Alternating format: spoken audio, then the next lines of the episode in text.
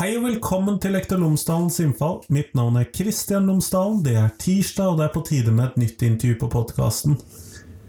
Denne ukens episode, dvs. Si denne tirsdagens episode, siden jeg nå kommer ganske fast med to episoder i uken Denne tirsdagens episode den er med Bjørn Erik Thon, direktør i Datatilsyn. Jeg snakket med han som en del av medborgerskapsdagene, eller profesjonsdager for medborgerskap, ved Høgskolen på Vestlandet, som de arrangerte for eh, sine lærerstudenter. Opptaket ble gjort foran 400 eh, studenter og lærere ved høyskolen på Zoom. Jeg tror det var Zoom. Eh, jeg bare satte meg ned foran en datamaskin og begynte å snakke med Bjørn Erik. Sånn at her får du hva vi snakket om, og vi snakker om overvåkningskapitalisme, vi snakker om eh, Googles plass i skolen, Apples plass i skolen. Vi snakker om Grinder, av alle ting. Sånn at uh, dette tror jeg kan bli spennende. Jeg tror alle lærere bør, og ikke minst lærerstudenter, bør uh, sveipe innom denne episoden. Her er det mye nyttig. Ellers, podkasten er fremdeles sponset av Cappelen Dam Undervisning, og hvis du går inn på skolen.cdu.no, så finner du alle de oppleggene, ressursene og nettsidene de har laget i forbindelse med fagfornyelsen i grunnskolen. Alle fag, alle trinn, alle tverrfaglige tema, alt sammen, det finner du på skolen.cdu.no. Men her får du samtalen din med Bjørn Erik. Vær så god.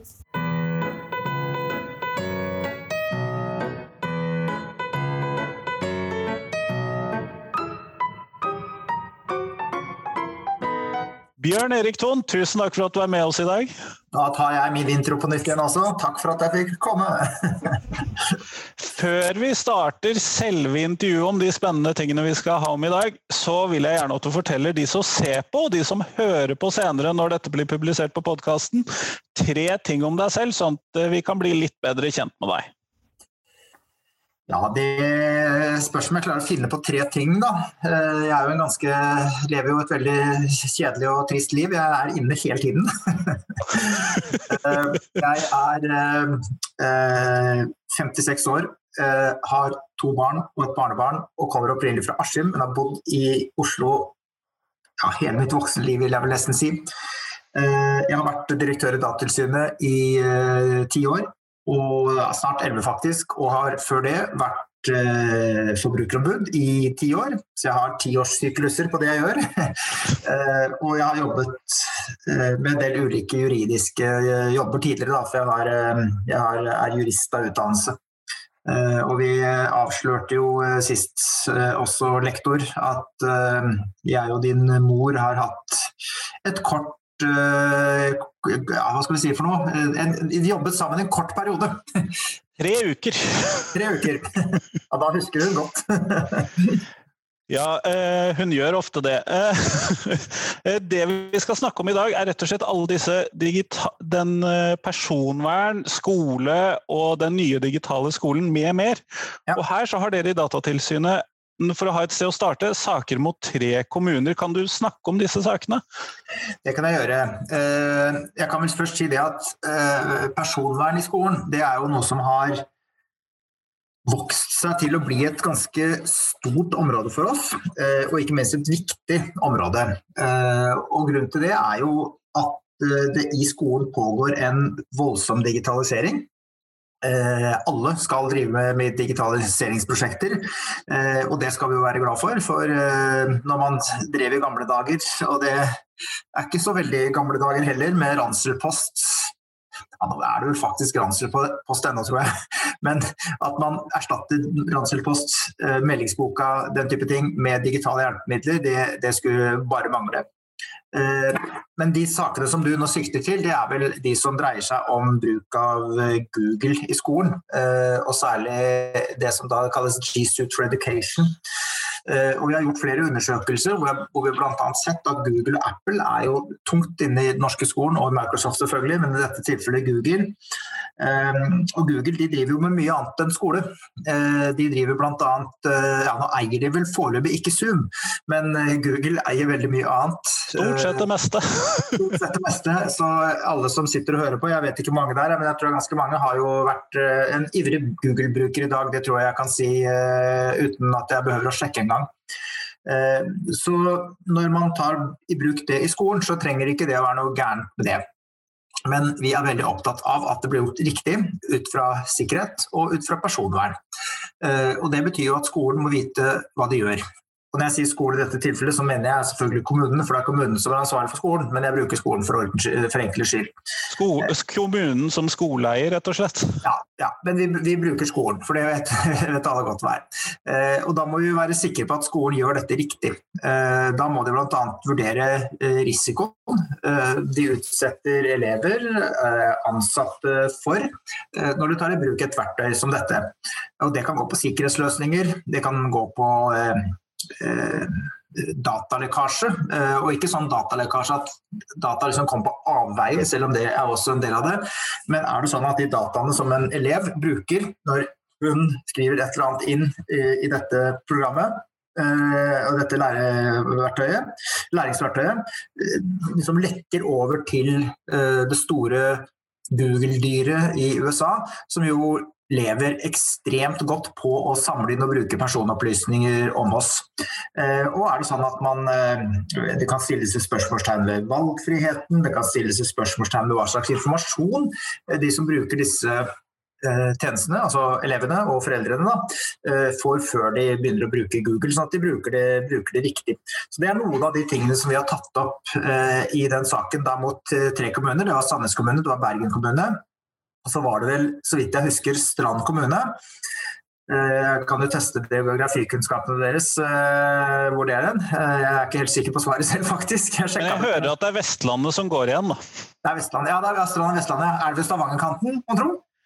nord for Bergen, i hvert fall. Da er det ikke på Stavangerkanten. Nei, det er ikke det. Men, og dere har jo da tatt opp flere ulike saker her med kommunene. Eh, hva er det dere ser på som det mest alvorlige, kanskje? da? Det er jo kanskje et godt sted å starte der. Ja, nei, vi, altså vi har jo hatt saker som eh, Vi har, vi har bl.a. sett på det med kommunikasjon mellom hjem og skole. Uh, og igjen, da er vi tilbake til meldingsboka og Ransrudposten igjen. Uh, fravær, hva det måtte være. Sånn at, at det lages digitale løsninger for det, er jo selvfølgelig veldig bra for både skole og foreldre og for barna. Men den kommunikasjonen må være sikker. Vi hadde en stor eh, sak mot Bergen kommune som har blitt hetende litt feilaktig for Vigilo-saken. For det var Vigilo som utvikla det programmet, så det, selve tjenesten eller appen heter Vigilo. Men Vigilo hadde egentlig ikke gjort så innmari gærent. Det var Bergen kommune som hadde gjort det gærent. For når man skal kommunisere da, med foreldre eh, gjennom en app, sånn at du f.eks. kan melde inn fravær til barnet ditt, så eh, ble det hentet inn i den appen masse opplysninger fra folkeregisteret. Eh, jeg tror nærmest sånn, Nå snakker jeg om de litt store bokstaver, da, men de henta nesten inn alle folkeregisterdataene eh, fra Bergen inn i den appen. Det er ganske mye? Det er ganske mye. Jeg husker ikke hvor mange det var, men det var, jeg mener det var i hvert fall over 100 000 adresser det var. For det var jo de som hadde barn i, i grunnskolen i, i Bergen. Da. Og I den eh, folkeregisterdelen som ble hentet over, så lå det opplysninger om eh, barn som bodde på skjerma adresser, altså hemmelige adresser, foreldre som hadde besøksforbud osv. Og, og så var det også sånn at tilgangen til disse opplysningene kunne også foreldre da, som f.eks. hadde besøksforbud eller de kunne få tilgang til hvor barnet bodde, hvor eh, ja, moren eller faren, da, som ikke hadde rett til å se barnet, eh, bodde. Så det kom opplysninger som potensielt kunne vært nesten livstruende hvis de kom på avveie. Eh, vi hørte historier om foreldre som måtte flytte og som også sov med ja, De ble forklart på et arrangement jeg var på med balltre under senga fordi de var så redde for at opplysninger om den hemmelige adressen eller skjerma adressen de bodde på skulle komme da uvedkommende for, eh, for øye og for øre. Eh, saken endte med et overtredelsesgebyr til Bergen kommune, som jo er det, hva skal vi si for noe, den spisse enden av det vi kan eh, ja, reaksjonen for oss. Da. Og den endte faktisk også med en krise, politisk krise i Bergen. Eh, og byråden for eh, ja, skole og utdanning, eller hva akkurat ble benevnt, husker jeg ikke, men eh, hun måtte da gå av som følge av denne saken.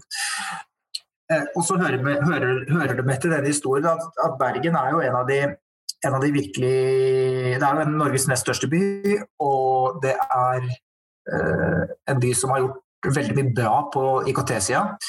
Eh, det er masse flinke folk, det er ganske store ressurser, men allikevel så gikk det gærent i denne saken. Og jeg synes at det som har skjedd etter at Bergen gjorde denne feilen, det står det både stor respekt av, og det er masse å lære av det. For Bergen har vært veldig åpne på hva som gikk gærent. Eh, de påpekte bl.a. at eh, folkeregisteret i dag er egentlig ikke egna eh, sånn som det er, til å hente ut store datamengder og putte det inn i en app, sånn for å igjen si det veldig veldig enkelt. Fordi man det, er ikke en digital løsning man har. Man, må, man, har en digital løsning, men så må man gå inn og manuelt endre på den. Og Da går veldig fort effektiviteten eh, bort, altså vinninga går opp i spinninga. Og det er selvfølgelig veldig sårbart, fordi eh, vi vet alle sammen at mennesker vi gjør feil, og i dette tilfellet så var det mange feilmarginer.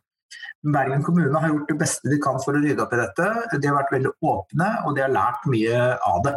Så sånn sett så er det kudos til eh, Vestlandets uh, hovedstad for måten de har håndtert dette på. og vi har også, uten at det er så interessant for dere å høre, da, men vi har hatt en veldig sånn ålreit dialog med kommunen etterpå. Eh, som vi har lært mye av, og som jeg vet at de også har lært mye av. Men hvis vi da går litt tilbake til dette med Google, fordi at eh, saken med Vigelo er eh, eller Bergen kommunes forhold til Vigelo er veldig tydelig hva som er problemet. Mm. Man skjønner at her er det noen som settes i fare. Det kommer ganske tydelig fram ganske fort. Men hva er det som er problemet med det forholdet som da Google har inn mot Bergen kommune, Sandnes og Strand, mhm. Stranda kommune? Hva er, det er, hva er, det vi er redd for der? Ja, det er et veldig godt spørsmål. fordi vi, vi, vi kan ikke peke på noe og si at her gikk det gærent. Uh, og, og, sånn er det med en del av de tingene vi jobber med i Datatilsynet. Uh, fordi det, det, er jo laget et regelverk, uh, og det heter personvernforordningen. Noen av dere har kanskje hørt forkortelsen GDPR, General Data Protection Regulation, som er det europeiske regelverket.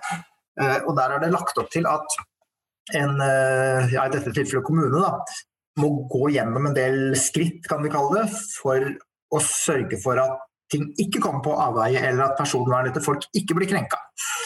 Eh, så da må man vurdere risikoen med det man gjør. Eh, man må bruke teknologi på en riktig måte. Man får informere på en skikkelig måte. Så hvis man går gjennom alle disse skrittene, så er da tanken eh, med dette regelverket at ting ikke går gærent. Men hvis man ikke går gjennom alle disse skrittene, så er sjansen større for at det går gærent. Så vi pleier å, komme inn gjerne før det går gærent. Eh, for den Vigelo-saken, eller Bergen-saken, den med Vigelo, så kom vi inn etter at det hadde gått gærent. For da sendte kommunen inn et varsel til oss og sa at her har det gått gærent, og så begynte vi å behandle saken. Men det er bedre for oss, sånn som i, i denne, disse Google-skolesakene, at vi kommer inn tidligere, og at vi kontrollerer om regelverket er fulgt. Uh, og så påpeker vi når det ikke er det. Uh, og Vi ser jo det også på reaksjonsformen i disse to sakene. Sånn som i den Vigelo-saken, som sagt, så ble det uh, utstedt et overtredelsesgebyr. Det, det, er en slags bot. Jeg mener i farten at det var på 3 millioner kroner, men jeg, jeg, husker ikke helt i farten. men Jeg tror, tror det er det. mens i den andre saken, den med Google-skolen, så ble det bare utstedt en ja, Det hørtes, høres kanskje litt sånn strengt ut, ja, da, men irettesettelse. Eh, som egentlig er en fin måte å si at de fikk litt kjeft på. jo, men det er viktig å få kjeft også? Det, det er viktig å få kjeft. Og særlig folk som er, eh, skal bli lærere og folk som jobber i skolen. veit at det å, det å kjefte, det hjelper. Jeg har vært skoleelev sjøl, så jeg veit det. Ja, og så er det jo dette her da at uh, det er et begrep som har kommet inn i dette som heter overvåkningskapitalisme. Er det et begrep du har blitt kjent med? Det er vel eh, et begrep som vi delvis har vært med å lage, tror jeg, faktisk. Kunne du si noe om hva det er? Ja, eh, det, det, henger jo sammen med Google, det er også Facebook og Amazon og alle de store selskapene. Og det handler jo rett og slett at, om at alle de dataene som vi eh, eh, bruker i dag, og de, som vi legger igjen i dag, de blir, de blir brukt til noe. Uh, og Før så var det ikke, var det ikke nødvendigvis sånn. Uh, jeg nevnte jo at jeg jobba som forbrukerombud uh, i mange år før jeg begynte i Datatilsynet. og Da så vi også på det med f.eks. målretta reklame. sånn at jeg får en reklame som er annerledes enn det, det dere får. da. Og Vi brukte den gangen ofte et eksempel fra et amerikansk blad et fysisk blad som man blar i, som het Sports Illustrated. Eh, og de var veldig langt fremme på det å eh, segmentere, som det heter. Altså at de da laget eh, delte folk inn i ulike interessegrupper ut fra alder, interesser, hvor de bodde, den type ting. Og Det bladet kom da i 18 000 ulike oppgaver, opplag, eller utgaver, mener jeg. Og det er ganske var, mye. Ja, det er ganske mye, men de var liksom helt top notch på akkurat dette her. Og Forskjellen var jo at det var ulik reklame i de ulike bladene. Eh, men nå og det er det, der vi kommer inn på det med overvåkningskapitalismen. Nå blir jo 18 000 ulike segmenter blir jo bare blåbær sammenlignet med det som er i dag. Eh, for i dag så kan man målrette, og jeg, nå bruker eksempel fra reklame, da. vi kan også snakke litt om politisk påvirkning etterpå. Eh, men eksempelet fra reklame er jo at, man, at vi får altså Nå vet jeg hvor mange som er til stede og hører på her nå, men det er 383 stykker som er på participant list her. Eh, så kan det nok hende at hvis vi hadde gått inn på VG nå, det er ikke sikkert vi hadde fått 383 ulike reklamer, men hvis vi hadde gått inn på eh, ja, kanskje en annen, så hadde vi, får forskjellige reklamer, vi får forskjellige budskap. Hvis vi hadde gått inn i eh, Vi hadde sikkert også på noen aviser fått ulike artikler, for det er basert på hva vi, hva vi leser og hva vi er interessert i. Og Eh, grunnen til at vi kaller det en overvåkningskapitalisme, er at de overvåker oss, og så tjener de masse penger på det. Så Det er jo et, det er et spissa begrep. For Det er ikke sånn at disse selskapene nødvendigvis gjør noe galt. Men, men datamengdene nå er så helt enorme. Eh, jeg har ikke de helt ferske tallene foran meg nå, men, men vi søker noe sånt som fire millioner Google-søk uh, hvert eneste minutt globalt. Da. Og da kan vi begynne å tenke liksom eh, ok, 400, det er fire millioner på ett minutt, og så ganger vi det med 60. Da er det en time. Jeg tror vi skal slippe å gjøre hele utregningen, men det er ganske mange søk. Ja, det er ganske mange. Og sånn kan du fortsette på innlogginger på Facebook, snapper, bilder på Instagram. Og nå tok jeg bare en få, eh, TikTok, eh, altså hva det måtte være. Så datamengde er noe helt enormt. Og det er dette som er liksom innsatsfaktoren i overvåkningskapitalismen. For alle disse dataene kan bli brukt f.eks. til å sende oss reklamer, til å et, eh, et budskap, altså et, en, at avisene er ulike for oss alle sammen ut, ut fra våre interesser. Så, så, det er liksom den korte eller kanskje ikke så innmari korte, egentlig, men eh, litt lange og forhåpentligvis forståelige forklaringen på overvåkningskapitalismen. Men hvorfor er den en problemstilling inn mot uh, skolen, da? Det er jo fordi det er de samme selskapene som er overvåkningskapitalister, som er leverandører av programvare og eller, altså digitale undervisningsprogram for, eh, for skolen, til skolen. Og jeg nevnte, Vi har jo, vi har jo hatt en sak mot, uh, mot, uh, mot G-Suit for Education. Men det er jo mange andre også som ikke vi har sett på. Eh, og vi fikk vel kanskje det, det, skjedde jo noe veldig interessant og veldig trist eh, den 16. mars, for da ble skolene stengt. Og da tok det, eh, da tok det vel omtrent tre timer, tror jeg, før det ble opprettet en Facebook-gruppe som het Koronadugnad for digitale lærere. Og vi var jo vi var med der begge to. Veldig, ja, sikkert flere av dere som sitter og hører på også, var, var med veldig, eh, veldig interessant. Eh, for det var rett og slett så at lærerne da eh, gikk sammen og delte ideer om hvordan de kunne drive digital undervisning. Uh, utrolig positivt og fint, men uh, samtidig så så vi jo at det ble brukt ganske mye programvare som, uh, som nok ikke vi ville sagt at det var greit å bruke. vi så det var også personverndiskusjoner, og jeg var også med og holdt et innlegg der en kveld, og flere andre som holdt på å si jobb med samme ting som meg var inne og gjorde det, så det var en interesse for å gjøre det riktig også. men det var det er veldig mange verktøy som brukes i skolen i dag, som da ikke har vært igjennom noen form for vurdering, eh, verken av kommunen, skolen eller av den enkelte lærer, eh, og som samler opp eh, opplysninger, opplysninger om elevene som kan brukes til eh, ja, mange ting som vi ikke engang vet. Eh, så sånn sett så er eh, det er veldig lett at vi tenker på det med overvåkningskapitalismen, og det er jo litt min skyld, fordi når jeg snakket om dette, så snakka jeg bare om uh, Facebook og Google og disse svære selskapene, Snap og sånn. Snapchat, men det er jo, det er jo en, uendelig mange flere. Altså, det, er så, det, er, det er tusenvis av selskaper som på en eller annen måte er inne og handler data, uh, analyserer data. Uh, så, så dette, er en, dette, er et kjempesvær bransje. Mange av, de, mange, mange av de har vi ikke hørt om engang. Eh, det er bl.a. et selskap som holder til i Arkansas. Uh, som jo er en uh, Ja, det er der Bill Clinton kom fra. Det er staten Bill Clinton kom fra. De har en del tech-selskaper, og de heter ja, Nå forsvant navnet for meg, men det spiller ingen rolle. Eh, de er en av de største i verden på å analysere mobiltelefondata f.eks. hva vi gjør på mobilene våre. Det er et selskap som ingen har hørt om, og jeg kan ikke huske navnet engang. Eh, som er svære i dette markedet her, sånn, og som sitter med enormt mye data. Nettopp, nettopp. Eh, men når vi da lager disse begrensningene, og Bergen kommune får litt kjeft, og de bestemmer seg for å rette dette opp. Så en av de tingene som jeg har fått tilbakemelding på i, fra de jeg intervjuer på podkasten min, det er at uh, det er, de, de, får nesten ikke lov til å bruke noe programvare lenger. Kan det bli for strengt? Det kan sikkert bli for strengt.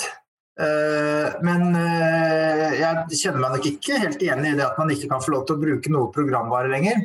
Og, og, merk de der sakene med Google. da. Vi har ikke sagt at man ikke kan bruke de.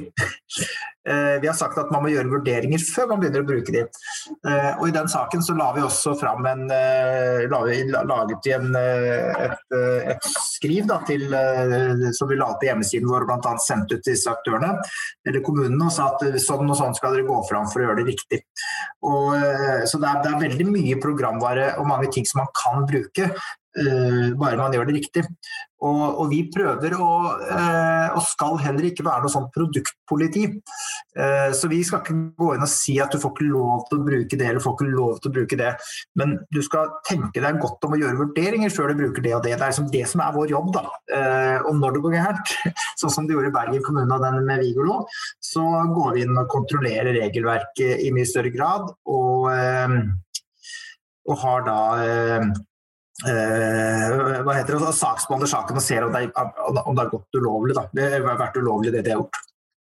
Nettopp, nettopp. Men hvis jeg da som relativt fersk, eller jeg som lærer skal Jeg finner en eller annen programvare jeg syns er mm. skikkelig riktig for undervisningen min, hvordan bør jeg gå fram da? Eh, det er jo eh, viktig at Altså det er kommunen som er ansvarlig sånn formelt for alt du som lærer gjør. Eh, heldigvis. Ja, ja, ja, heldigvis. det kan du si. Uh, og da er det jo opp til eh, da, da, da, og må, Dette er jo noe som hver, hver, enkelt skole må ha et forhold til.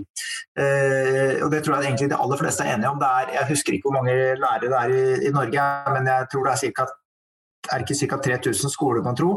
Uh, og så jobbes det masse, masse så det er, også Hvis hver enkelt lærer skal sitte og gjøre sine egne vurderinger av hva de skal bruke av programvare, det tror jeg nok de fleste er enige om at det ikke er så spesielt smart.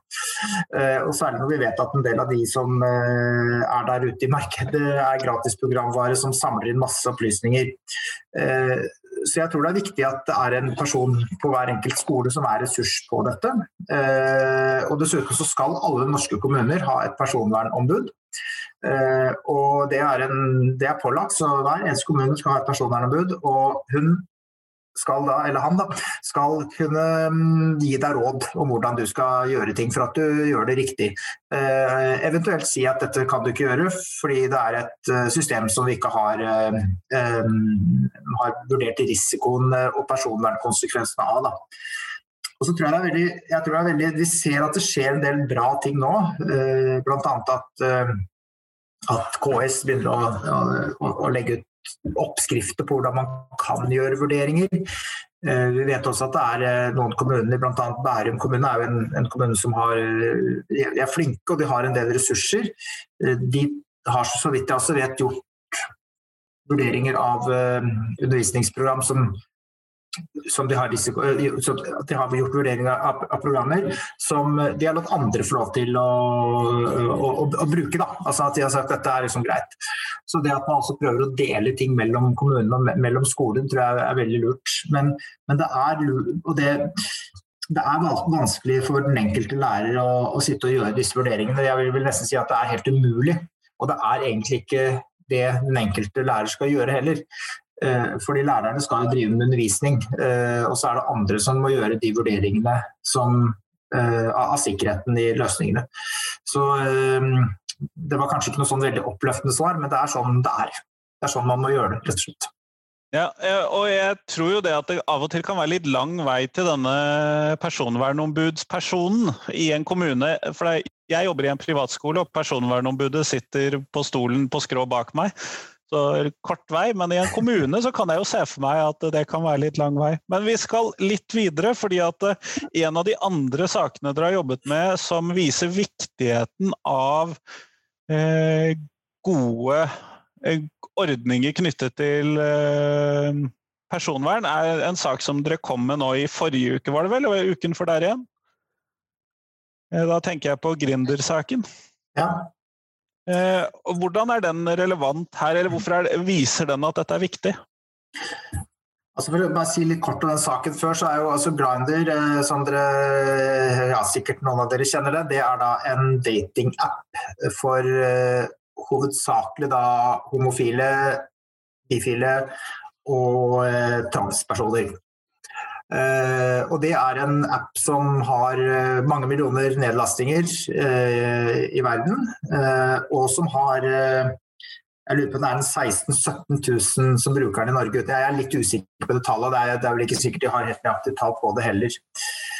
Og det er jo en app som uh, vi, vi, deler jo ofte personopplysninger da, inn i sensitive opplysninger og ikke-sensitive opplysninger. Og, og, de sensitive opplysningene det er, jo da som, det er det som er ekstra personlig. Uh, det kan være ting som knytter seg til økonomi eller politisk oppfatning, og selvfølgelig seksuell legning. Kanskje det mest sensitive, eller typiske eksempelet på en sensitiv personopplysning, det er seksuell, seksuell legning. Uh, og i dette tilfellet her sånn, I og med at det er en datingapp for homofile, så er det jo da stor, stor, stor, stor sannsynlighetsovervekt for at hun først har lastet ned appen, så er hun homofil. Og eh, Da er det en del ekstra sikkerhetsmekanismer som slår inn. Noen ekstra sånne obser, for å bruke litt eh, enkelt språk. Eh, og Det er også veldig viktig at du veit hva de dataene som du deler med andre, og som du deler med i dette tilfellet Grinder, for dette er jo et selskap som igjen, vi snakker om overvåkningskapitalisme her også, selv om det ikke er eh, akkurat sånn et Google-selskap. De samler inn masse data, og de dataene de kan være verdifulle, bl.a. fordi det er en eneste ting som de dataene sier som kan være fint hvis man f.eks. skal markedsføre, og det er at man vet at folk som er der, de har en spesiell seksuell legning eller en spesiell preferanse. Eh, så Det kan gjøre at de dataene er ekstra verdifulle. Eh, og Da kommer saken vår inn i bildet. fordi Da må man inngå Sikkert mange av dere har, har, eh, har et forhold til det med et samtykke. Man må gi et samtykke. Man må rett og slett si ja, dette vil jeg bruke. Jeg vil bruke denne appen her. Den tingen som vi alle overser hver gang? Eh, den tingen som ingen orker å lese. og Det er derfor det er så viktig at den er bra, fordi ingen orker å lese den. Men i dette tilfellet her så, så var det da eh, eh et samtykke som eh, du, Unnskyld, du ga et samtykke til at eh, dataene kunne deles med annonsører. Så de dataene som eh, du ga til Brander, kunne de dele med andre, så at de f.eks. kunne bruke det til å sende reklame til deg. Uh, og Da er det spesielle krav som stilles til det samtykket, uh, og de var ikke oppfylt i dette tilfellet. her sånn.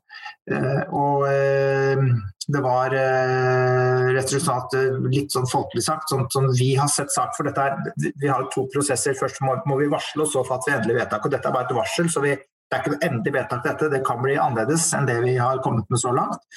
Men, men i det varselet så, så vår foreløpige konklusjon da, er at dette her ikke eh, tilfredsstiller de kravene som er loven. Eh, og at folk rett og slett ikke vet hva slags avtale hva slags samtykke de har gitt, og hva de har samtykke til. Eh, og Spesielt når vi da har den kombinasjonen. Det er eh, sensitive opplysninger, det er sterkt personlig forhold dette dreier seg om. Eh, det er eh, uklart hva dataene brukes til. Og de deler også f.eks. i denne appen posisjonsdata, altså hvor du er hen, uten at folk nødvendigvis er klar over det, som kan også være uh, trøblete. Uh, og det har også vært trukket fram som et argument, uten at vi brukte det veldig tungt i den saken. Uh, men det er land hvor det å være homofil er kriminelt, hvor du utsettes for voldshandlinger og drap. og da er det å ha en app hvor det ikke er krystallklart eh, at man eh, deler posisjon og kan velge det f.eks. å skru den på, eh, det er veldig alvorlig. Uten at det, jeg, vi gjorde ikke noe stort poeng ut av den saken, fordi vi tenkte jo dette mest for norske borgere. Men det er land som vi ikke vet om dette har blitt lastet ned, altså, men, som et som tilleggsargument for å vise alvoret i saken. Da. Eh, så dette var et veldig veldig stort overtredelsesgebyr vi, vi, eh, eh, vi varsla i denne saken her. sånn. Og grunnen til det er som sagt at det var et stort alvor i, i denne saken. Var det 100 millioner, var det det det var? Det var det. Det er gris med penger! Ja da, det, er, eh, det, var vel en som sa at dette var, eh, dette var det krutt i. Og det er jo krutt i det, ikke sant. Men vi ser at det er altså Noe av grunnen til at vi fikk dette nye regelverket for to og et halvt år siden, eh, som stiller mye strengere krav til behandling av persondata, det er jo at det å holde på med dataene våre er noe helt annet nå enn det var for 20 år siden. Altså, det kan ikke sammenlignes. For 20 år siden så fantes det ikke noe overvåkingskapitalisme. Da fantes det 18 000 utgaver av Sports Illustrated, som var et blad med, som jeg nevnte i stad, som man kunne bla i. uh, og uh, Så kom dette nye regelverket, og, noe av hensikten med det var nettopp at det skulle være mer alvorlig å bryte reglene. Eh, så sånn sett så er dette et politisk ønske. De vil at det skal være mer alvorlig, og at det skal koste mer å bryte eh, reglene. Kjempeflott. Jeg har et nest siste spørsmål til deg, og det er kanskje det største spørsmålet i Skole-Norge akkurat nå. nå er jeg spent. Kan vi tvinge elevene til å ha på webkamera? Hva sa du? Kan vi tvinge elevene til å ha på webkamera? Eh, det er ikke noe enkelt ja eller nei-svar på det, men jeg vil langt på vei si at nei, det kan man egentlig ikke gjøre. Eh, jeg syns det er en fin ting at man kan gjøre det, men det er elever som, eh, som ikke ønsker å vise fram hvordan de har det hjemme. Eh, det kan være banale ting ut fra at de rett og slett ikke ønsker det, til at det er ikke alle som ønsker det fordi de vil ikke vise fram hvor de bor, de vil ikke vise fram foreldre som tusler rundt i pysjen i bakgrunnen, eh, småsøsken som løper rundt omkring, eller at det står en ølflaske eh, bak, eh, som et kanskje dumt eksempel, men allikevel. Eh, men vi tror nok at de, dette er viktig å ha å snakke om, ha en holdning til. Eh, men å tvinge noen til å altså Jeg forstår veldig godt at det er slitsomt for lærere å undervise eh, når de sitter og ser inn i eh, blå firkanter. Og dere kan jo tenke litt på hvordan jeg har det akkurat nå, som sitter og ser inn i en masse blå firkanter. Nei da, jeg ser faktisk ganske mange ansikter. Men men eh, det er veldig slitsomt. Det, er litt sånn, det tapper deg egentlig for energi når du sitter og gjør det. Så jeg kjenner, skjønner det veldig godt. Men samtidig så er det viktig å ta veldig på alvor det altså at det er ikke alle som har lyst til å vise dette, dette frem. Så hovedregel, ja, man bør, man bør ha på kamera, men det er også gode grunner å forstå det at noen har lyst til å skru det av. Jeg har noen kolleger i sånn stor kollegieforstand som sier at kan de ikke bare da ha på en bakgrunn på videoen? er vel egentlig det eh, argumentet for å kunne tvinge dem, selv om de kanskje ikke vil vise fram hjemmet sitt. Hva tenker du om det, Bjørn Erik? Jo, det kan være en løsning. ikke sant? For det, det, her er, og jeg tenker at her er det, det er vanskelig for meg å gi et klart råd som gjelder 3000 skoler og mange mange tusen lærere og mange mange, mange, mange tusen elever. Eh, for det er ikke noe sånn at én løsning passer for alle. Eh, hvis du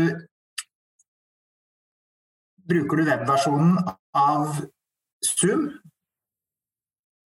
Nå gjør ikke jeg det.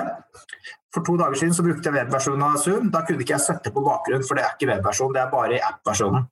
Uh, så det, er, det, det kan ha noe med båndbredd å gjøre. Så det, så det er ikke Men jeg syns jo den type tenkning som du inviterer meg til her, er veldig god. Uh, fordi man må prøve å finne løsninger som funker for alle, da. Uh, og, uh, og, som sagt, da skal ikke vi liksom gå inn og si at dette er måten å gjøre det på, fordi det finnes altfor mange variasjoner som, som og, og altså, Jeg er en middelaldrende byråkrat. Uh, det fins de, Dere som sitter rundt i klasserommene og er, er, på dette, er, jobber med dette hver eneste dag, har selvfølgelig en god porsjon sunn fornuft og veit mer hvordan denne hverdagen funker enn jeg er. Så derfor er jeg litt forsiktig og, og litt ydmyk med tanke på å si altfor klare eh, råd her også.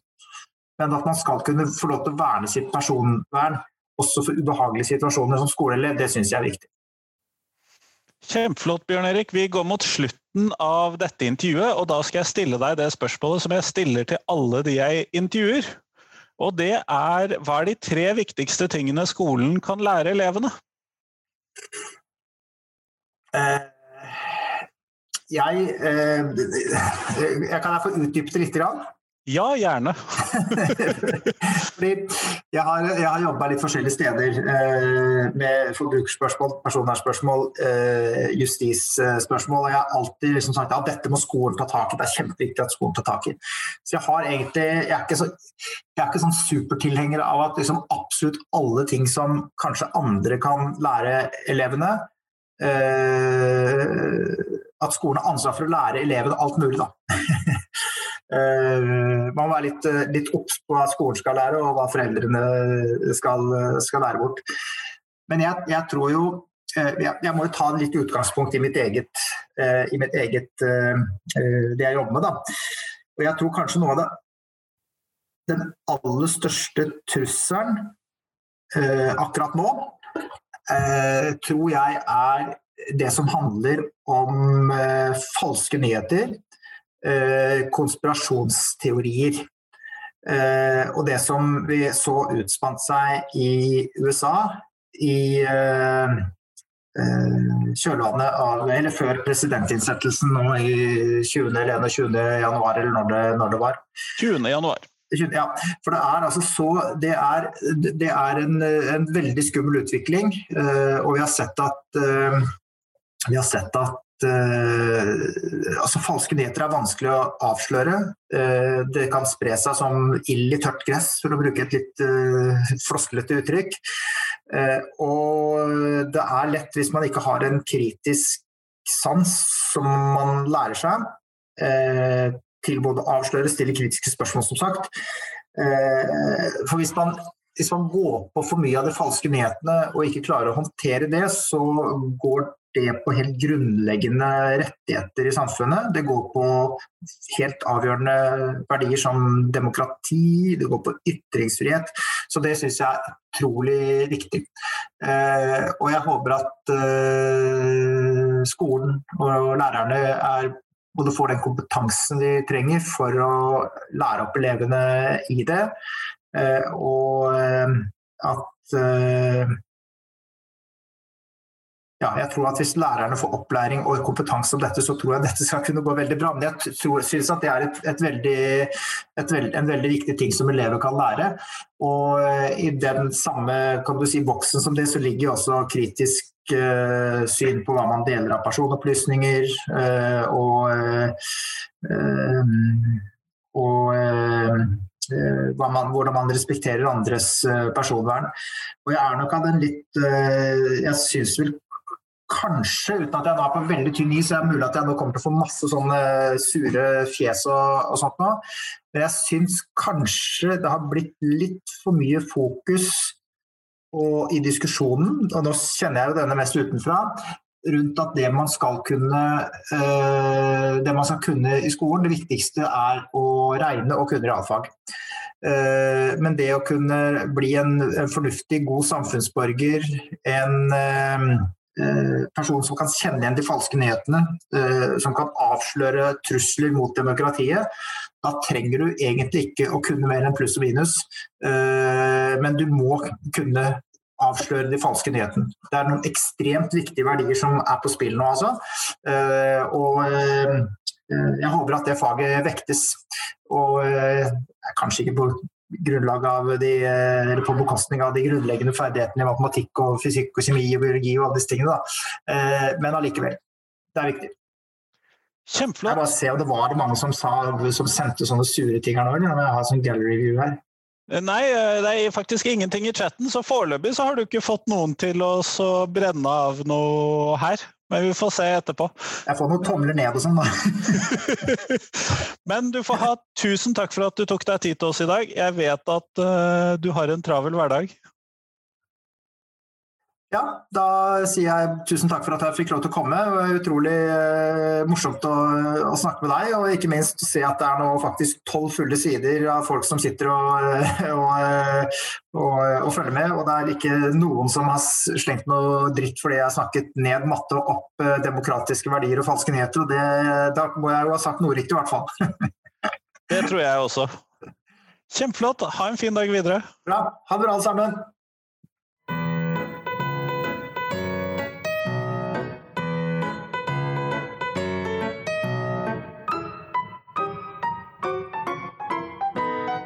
Tusen takk til Bjørn Erik, og tusen takk til deg som hørte på.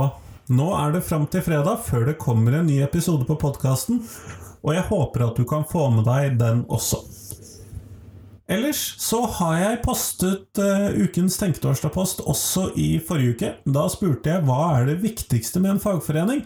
Så jeg håper at du kan gå inn på Twitter og på Facebook og diverse Facebook-grupper hvor jeg poster disse, f.eks. Status lærer og arbeidstidsforhandlingene. Og så svare på hva syns du er viktigst ved en fagforening? Fordi at det lurer jeg på. Som arbeidsplasstillitsvalgt på min arbeidsplass, så er det utrolig spennende å vite hva folk tenker er det viktigste. Ellers, eh, jeg gleder meg til fredag. Dere får ha en fin uke, og hvis det er nedstengning eller ikke nedstengning der du er, lykke til med arbeidet. Hei, hei.